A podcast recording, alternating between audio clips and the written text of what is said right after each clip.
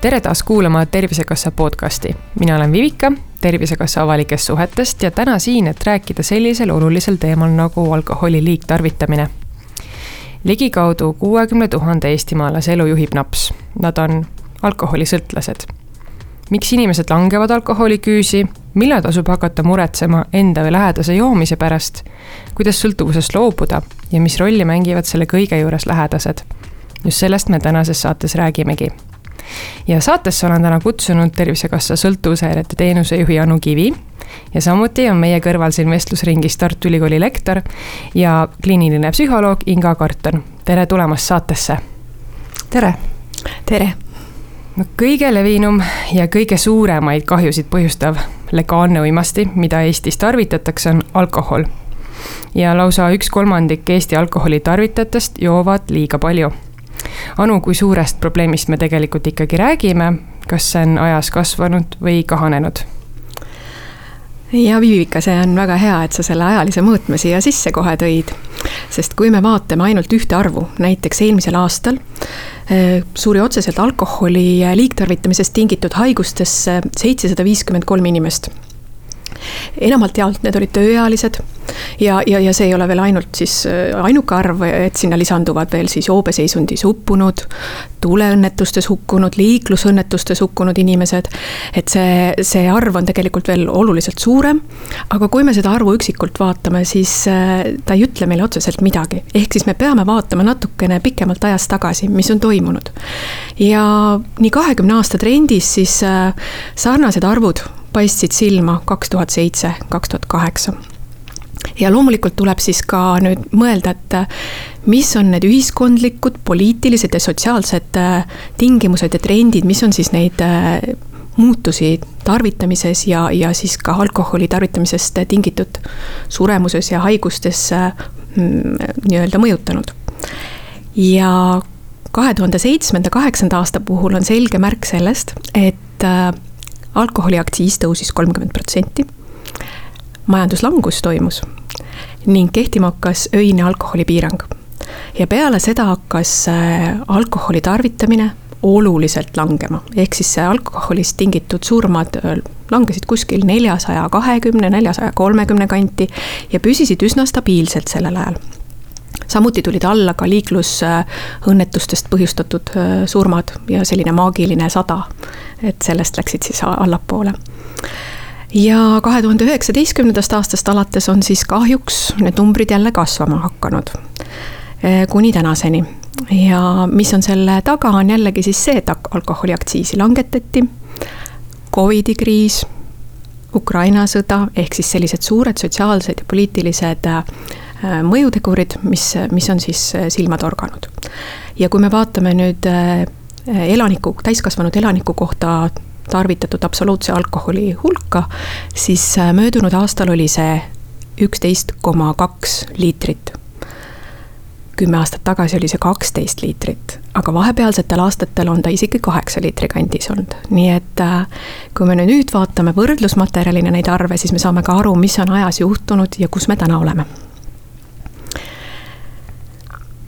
aga Inga, ma küsin sinult ka, et äh, mis üldse soodustab alkoholi tarbimist ehk äh, miks inimesed langevad selle küüsi? no see on nüüd selline pikem ja, ja, ja üsna mitmetahuline teema. Äh, ma võib-olla hakkaks sealt kinni, kus, kust Anu juba, juba natukene rääkis, ehk mis takistab, eks seesama asi, mis takistab, see ka soodustab, ehk siis näiteks seesama ühiskond et, äh, et üks asi on see, et kui kättesaadav see on mm, puhtalt nii-öelda füüsiliselt. ja, ja teine olulisem pool on see, et, et mis roll on sellel alkoholil või, või kui äh, noh, ütleme, et see, et alkohol on ühiskonnas, alkoholi tarbimine on ühiskonnas kas siis normaliseeritud või taunitud. et, et see ka palju mõjutab, et, et kas kas inimesed kujutavad ette, et suurt pidu on võimalik väga lõbusalt ka ilma alkoholita maha pidada või see kuidagi tundub, et parem jääme kõik koju variandina. et äh, pluss siis see on nüüd ühiskonna tasemel laiemalt, aga siis sõpruskonnad, perekonnad, et äh, noh, teadaolevalt siis üks, üks mõjutegur, miks inimesed hakkavad tarvitama, on ikkagi sotsiaalse õppimise teooria, ehk kus siis äh, mudeli pealt juba, juba maast madalast, eks ju, mida nähakse. noh, meil keelati alkoholireklaamid ära, eks ju, kui palju nad noortele tegelikult mudeldasid maitsvaid jooke. et või siis noh, minu lemmiknäide, et kui vaadata meie filme, seriaale selle pilguga, et mida teeb kangelane päeva lõpuks, kes on raske olukorra lahendanud, eks ju. Läheb kuskile kas koju või baari ja tellib endale ühe lõõgastava joogi. nii et justkui ühiskond nagu paraku normaliseerib eh, seda alkoholi tarbimise trendi jah, et, et kas on vähem või rohkem toetavad seda käitumismustrit, toetavad äh, arvamised, tõekspidamised, harjumused, kuvandid mm. -hmm.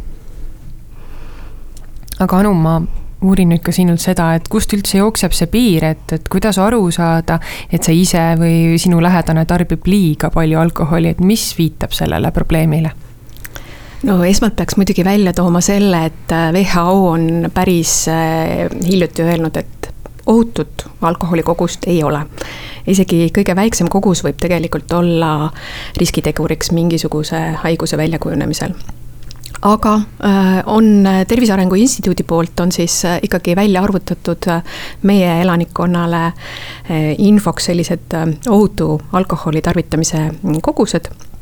et mis, mis oleks okei okay. ja neid leiab iga inimene, kes tahab täpsemalt teada selliselt kodulehelt nagu www.alkoinfo.ee.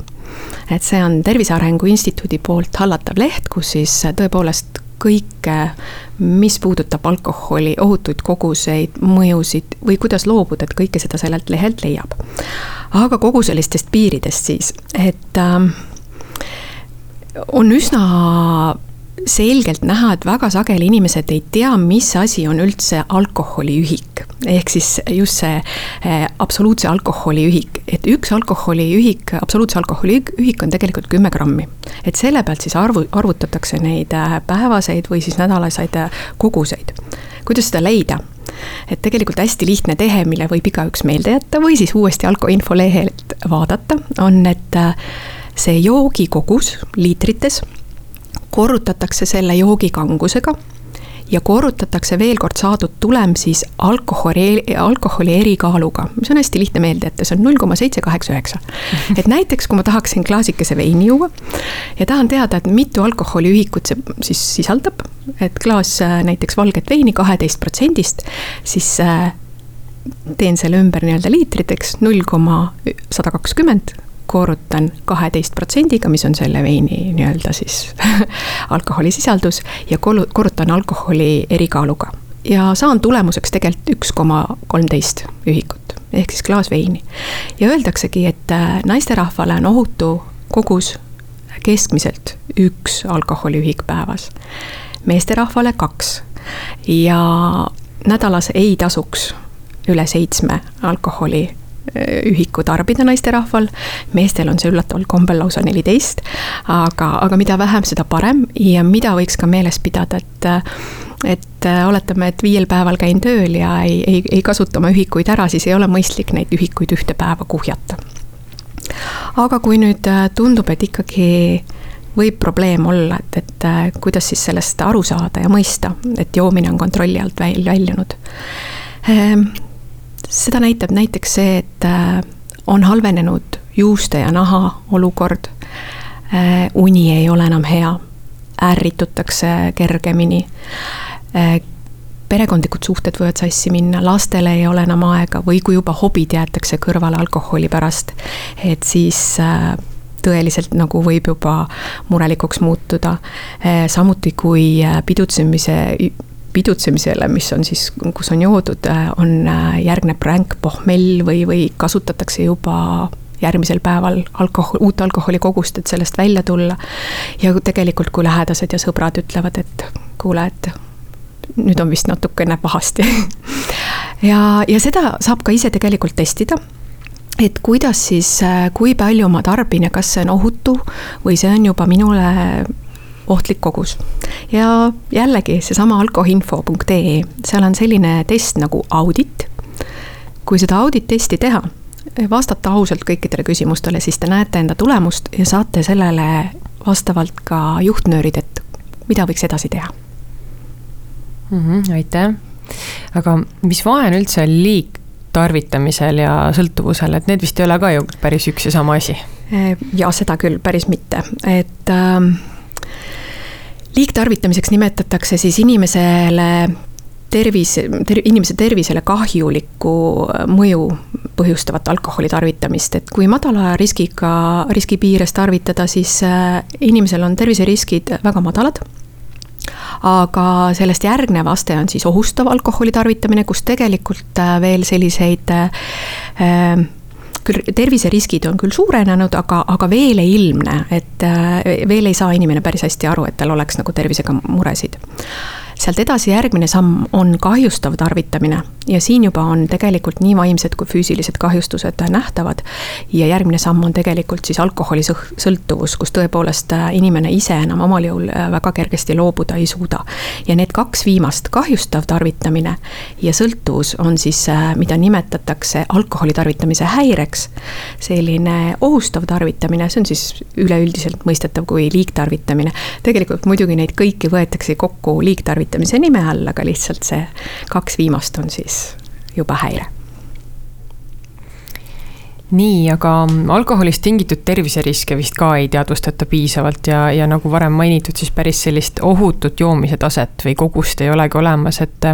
et mis teie hinnangul need terviseriskid liigse joomisega ennekõike ilmnevad, mida tuleks nagu tähele panna?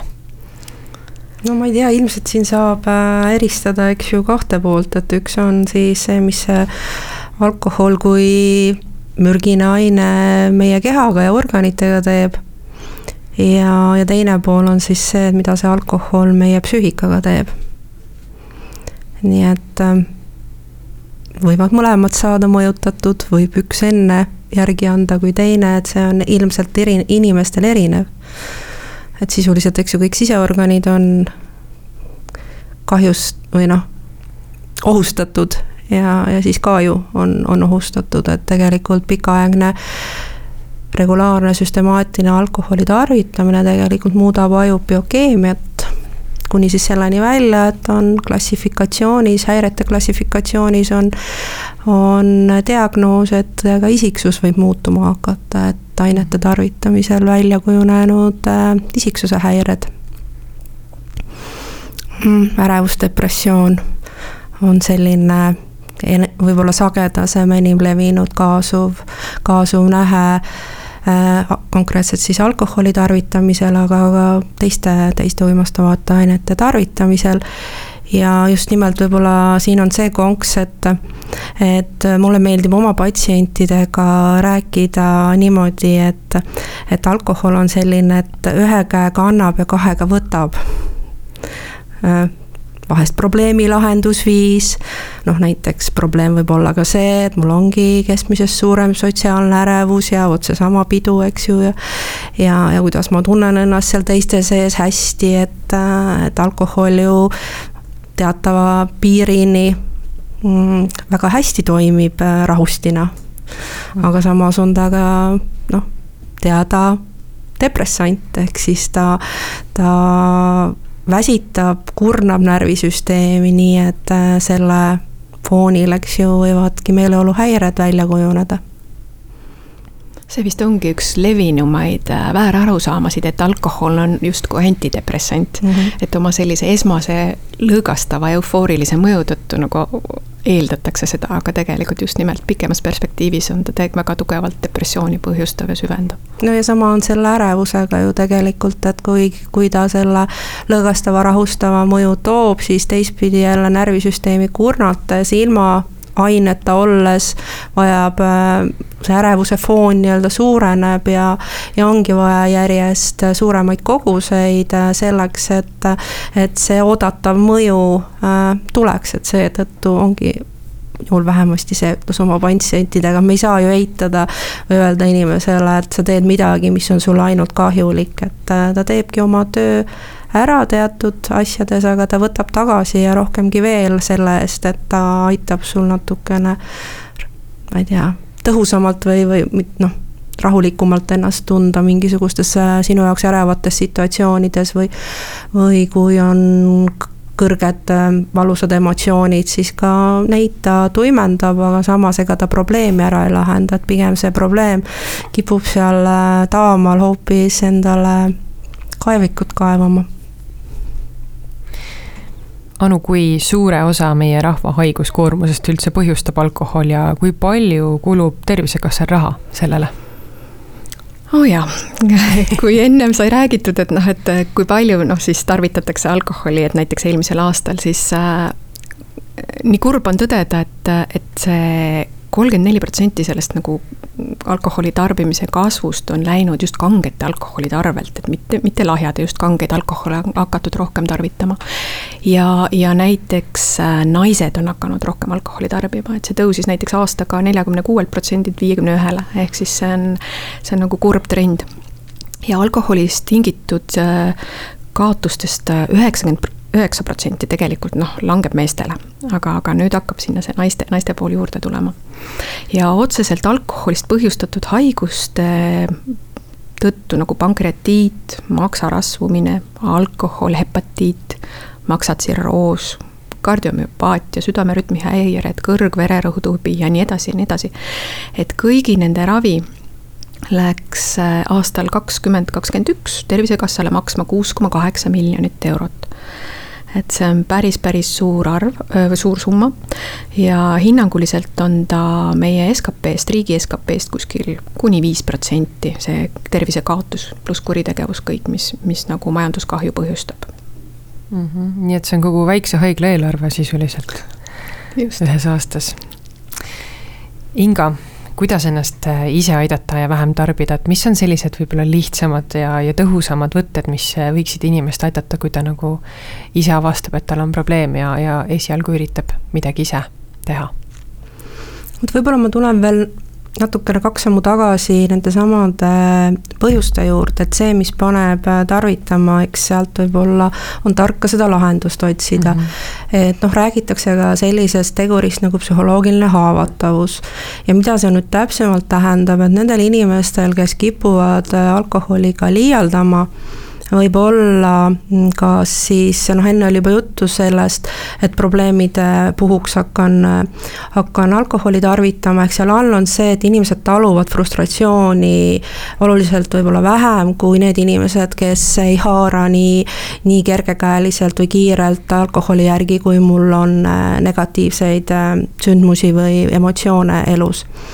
või siis teine pool on see, et keskmiselt kõrgem vajadus heade positiivsete emotsioonide järgi, mida elu siis ilmselt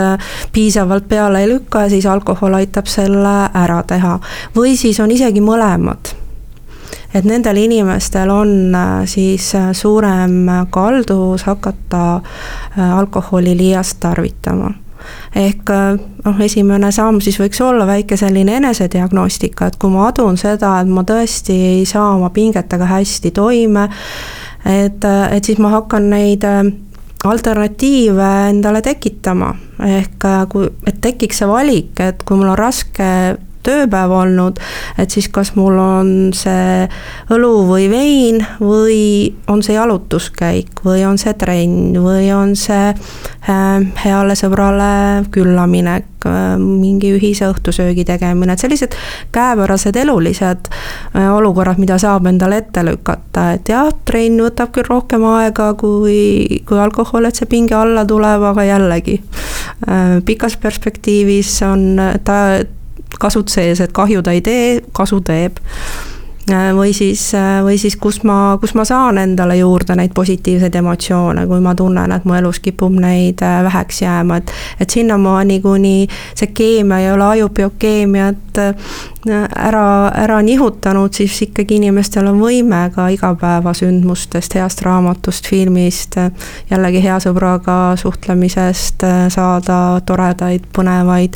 emotsioone ja, ja nii-öelda seda vajadust endale sellisel moel korvata. Nii et äh, see keskkond sinu ümber on see, mis tegelikult lõppkokkuvõttes mõjutab ja kui, kui sinna positiivseid asju juurde tuua, siis tekib alternatiive ja, ja paremaid valikuid. Noh, teadaolevalt mitte ainult, aga eks kõik see meil on ikkagi meie sisekeskkond, geenid versus väliskeskkond koosmõjus ja, ja me saame ennast ikkagi aidata ja teadlikult äh, suunata oma valikuid. noh, näiteks kui me ka teame, et meil on, äh, inimestel on perekonnas ähm, alkoholiprobleemid sees, noh jällegi, kas on nüüd see mudel või ongi see äh, võib-olla haavatavam, äh, haavatavam biokeemia, mis, äh, mis, mis, mis seda liini põhjustab, eks ju, ilmselt seda välja võtta on keeruline ja kas mhm. üldse on vaja, lihtsalt see on riskitegu, me teame, et need asjad käivad koos. et ka juba see, et inimene saab hakata oma valikuid seadma, noh eriti muidugi õrn on see varases nooruses, kus ei ole võib-olla seda teadlikku oma, oma, oma valikute suunamist nii palju kui täiskasvanul Anu, kui inimene tunneb, et ta ikkagi vajab abi ja ise hakkama ei saa ega peagi saama, siis äh, kuhu tal tuleks selleks pöörduda? Ähm, tervisekassa alustas alkoholi liigtarvitamisega seotud erinevate teenuste rahastamist äh, selle aasta esimesest jaanuarist. et ähm, oleme siis nagu püüdnud selle süsteemi eh, jaotada niimoodi, et meil on nõustamise teenused esmatasandis ja koolitervishoius. ja siis selline juba ravitasand on eriarstiabis ja kui nüüd lähemale min-, lähemalt äh, selgitada, mis see siis on, et äh, Tervise Arengu Instituut alustas juba ala, alates kahe tuhande kuueteistkümnendast aastast äh, nii perearstide, pereõdede kui ka terv-, teiste tervishoiuspetsialistide, noh, psühholoogid, vaimse tervise õed, ämmaemandad koolitamist just sellise alkoholi mm, liigtarvitamise varajase avastamise ja sellise lühisekkumise vaates Need koolitused jätkuvad ka praegu, jätkuvad ka tulevatel aastatel. nüüd juba uimastiülesena, kus siis tõepoolest lisaks alkoholile on ka kõik, kõik muud sõltuvusained käsitletud.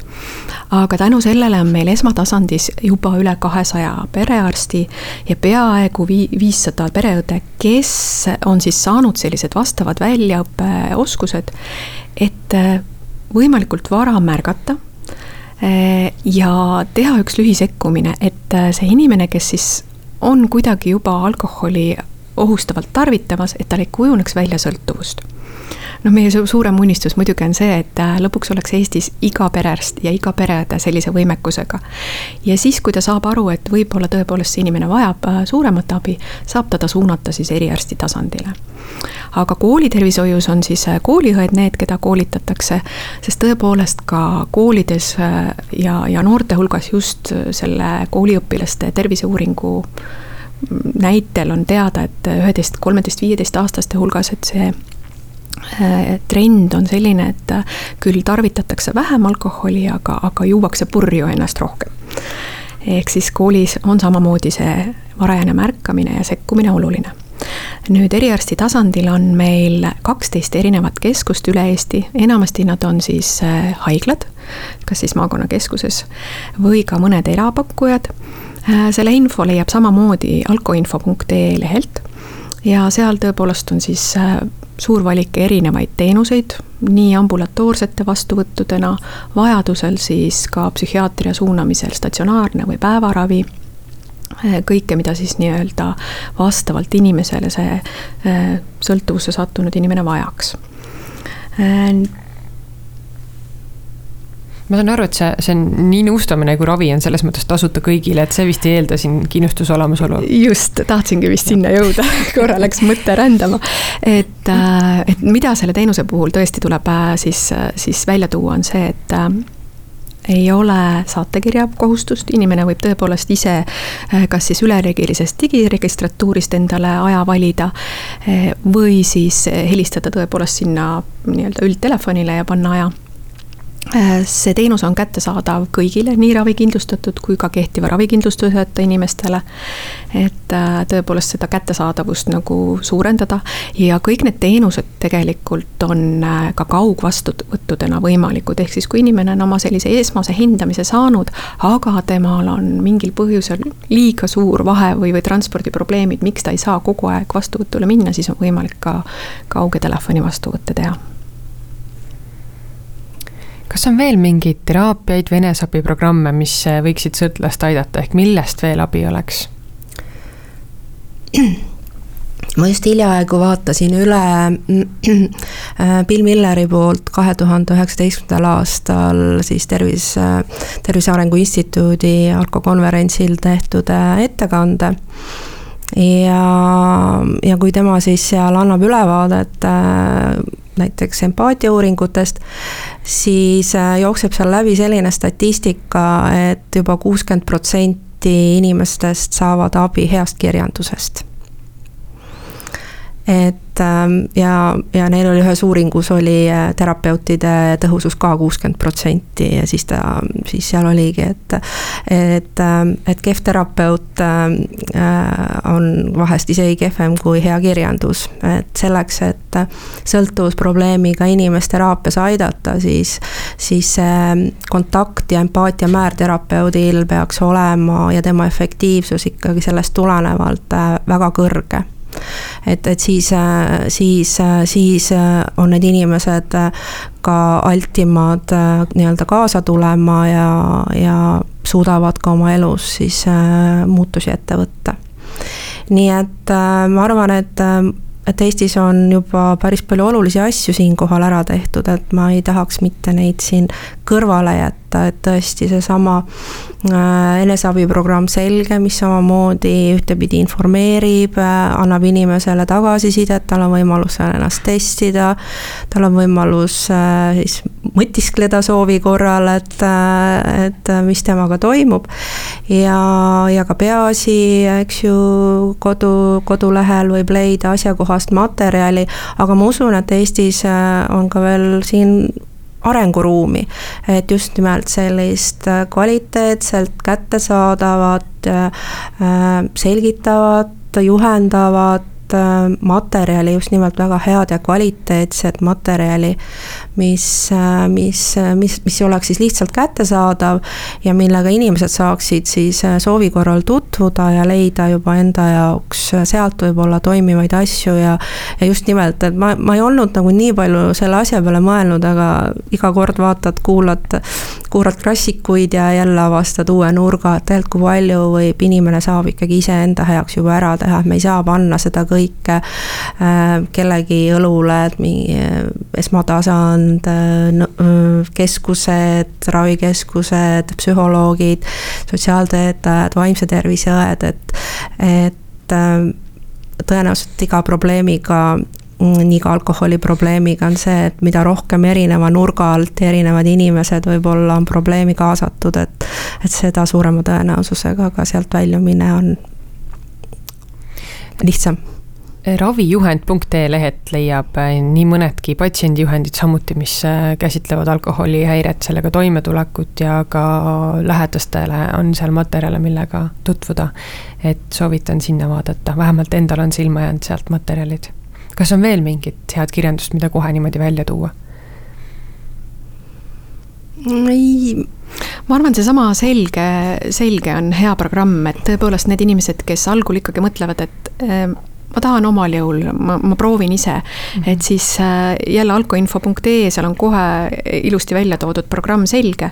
et äh, see on selline kaheteist sammu süsteem, kus tõepoolest äh, kaheksa nädala jooksul inimese, inimene võtabki süsteemselt ette selle, just see enesetunne, kuidas ma käitun, mis mind käivitab, kõik need sammud läbi tehes, et, et see, see võib väga suureks abiks olla. jaa Inga, sa korraks mainisid ka siin selliseid nagu kohti, milles oleks arenguruumi, et äh, ma küsin võib-olla veel konkreetsemalt, et äh, mis on sellised kõige suuremad probleemkohad või puudused sõltuvuse raviteekonnal Eestis, mida sa oled märganud, mis vajaks rohkem tähelepanu? no üks asi, mis ikkagi, mina olen, äh, töötan üksikinimesega. ma olen natukene nuusutanud pereteraapiat ja, ja mõnda teist lähenemist, mis, mis kaasab, kaasab äh, seda süsteemi, kus, kus inimene elab ja funktsioneerib. siis, siis see, mis, mis vastuvõttudel välja jookseb, vahet ei ole ja vahet ei ole, kas see on siis sõltuvuse probleemiga inimene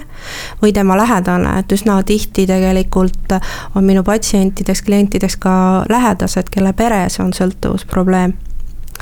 Et nad tunnevad, et et see, see kena süsteem, mis meil siin Eestis on, et sellest ei piisa, et kui inimesega on võib-olla läinud isegi nii drastiliselt, et ta on ära hospitaliseeritud, ta siis viibib haiglas ära ja siis ta tuleb välja ja tuleb sinnasamma keskkonda tagasi ja, ja seda ütlevad äh, sõltuvusprobleemiga inimesed sisuliselt kõik ja ka nende lähedased. Ja siis kas läheb kohe samal päeval või natukese aja pärast äh, kõik samamoodi edasi. Äh, sellepärast, et ähm, keegi ei oska ja ei oska ka see lähedane, äh, kuidas, kuidas käituda. või siis on tekkinud selline lõhe, probleem on nii palju sinna vahele kuhjunud, et, et lähedane ootab, et sõltuvusprobleemiga inimene ise hakkama saab, jällegi see on kõik tihtilugu oskamatuse taga. et, et küll oleks tore, kui see sõltuvus on väga kompleksne probleem, et see, sellesse on kaasatud kogu see süsteem, kus see sõltuvusprobleemiga inimene elab, tema lähedased, tema perekond. et küll oleks tore, kui, kui ikkagi kogu süsteem saaks minna, saaks minna nii-öelda ravile või abi järgi. et, et õpetatakse, mina võin küll seda lähedast õpetada, et kuidas, mis asi on kaassõltuvus ja kuidas ta saab hoida ennast. et ta ei langeks sinna kaassõltlase rolli või et kuidas ta sealt välja saaks tulla, tunduvalt tõhusam on see, kui, kui need inimesed äh, nii-öelda omakeskis oma käitumismustrid ja kokkulepped ja, ja kõik selle läbi räägivad, mis, me ei saa eeldada, et see seal probleeme täis, võib-olla tülisid täis, muresid täis peres nagu iseenesest kuidagi tekib, et istume nüüd maha ja räägime ükskord läbi ja siis ongi kõik teistmoodi, no ei ole see on äh, nii hea, et sa välja tõid, et seda toovad nagu äh, sinu patsiendid välja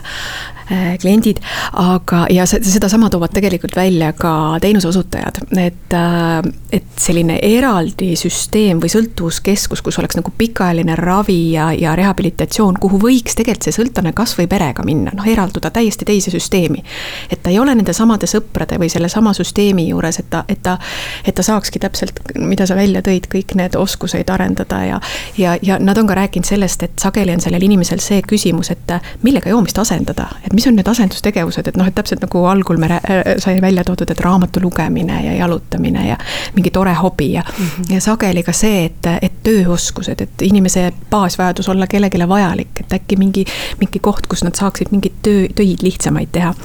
Et just see selline, selline suur probleemkoht ja vajadus on täiesti olemas. mina tooks veel välja ühe asja, mis, mis hästi murelikuks teeb, on see, et äh, stigmatiseeritus on suur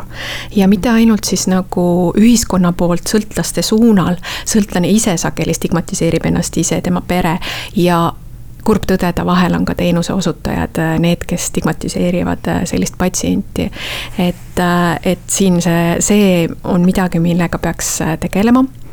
ja ühe asja toon veel välja, mis on, mis on nüüd meil endal lihtsalt selliste uuringute ja intervjuude käigus nagu selgunud, et, et ka inimeste teadlikkus, kuhu pöörduda, millised võimalused on, et see ikkagi kipub madal olema ja, ja täpselt nende samade alkoholikoguste kohta, et kus kohas on siis see ohutu ja, ja ohtlik piir. et äh, tänapäeva tootjate poolt ka kõik need pakendid ja kõik need kenad reklaamid ja täpselt need filmides, et see tundub nii nii kuidagi ahvatlev või nii tore, on ju, aga, aga tegelik, tegelikkus on hoopis teistsugune, et just see, see teadlikkuse pool kipub ka sageli madal olema no ja, ja ma ise mõtlen puhtalt praktiliselt, et sellised äh, keskused äh, on ju iseenesest äh, toredad asjad. aga kui me tuleme, et ega kõik inimesed ei ole ju siit ähm, oma noh, igapäevasest funktsioneerimisest nii tugevalt välja kukkunud, et neil on vaja nüüd täiesti teist keskkonda, et hakata uuesti kõndima õppima. et väga palju inimesi ju tegelikult funktsioneerib, funktsioneerib päris kenasti, aga, aga see nende elu, elustiil ja just nimelt ka need lähisuhted hoiavad tegelikult seda, seda mustrit alal. et, et et kui juba hakata nii-öelda igapäevaselt, et, et rõhutada või, või võiks tekkida rohkem see, esiteks teenusepakkujatel need oskused, et nõustada tervet süsteemi ja, ja siis ka need teenuse hinnakirjad, eks ju, et saab terve, terve perekonna võtta, võtta teenusele, mitte, mitte ainult selle ühe inimese. eks ju, et noh, see, see ilmselt oleks kergemini rakendatavam ja, ja tagaks ka palju parema teenuse läbi äh, kättesaadavuse. et mina lihtsalt praegusel hetkel sellistel juhtudel soovitan lähedastele äh, näiteks, kes selle murega tulevad, et, et juhatan neid kas siis pereterapeutide poole, aga, aga seal on juba hoopis teised hinnad ja, ja tihtilugu noh, see ei pruugi olla ka rahalises mõttes kättesaadav. kuigi noh, samas kui me teeme seda argi-, argi-, arvutusi et, et kui palju üks näiteks joomasööst äh, võtab ära raha ja, ja kui palju siis see ravim, vahest isegi ravimit inimesed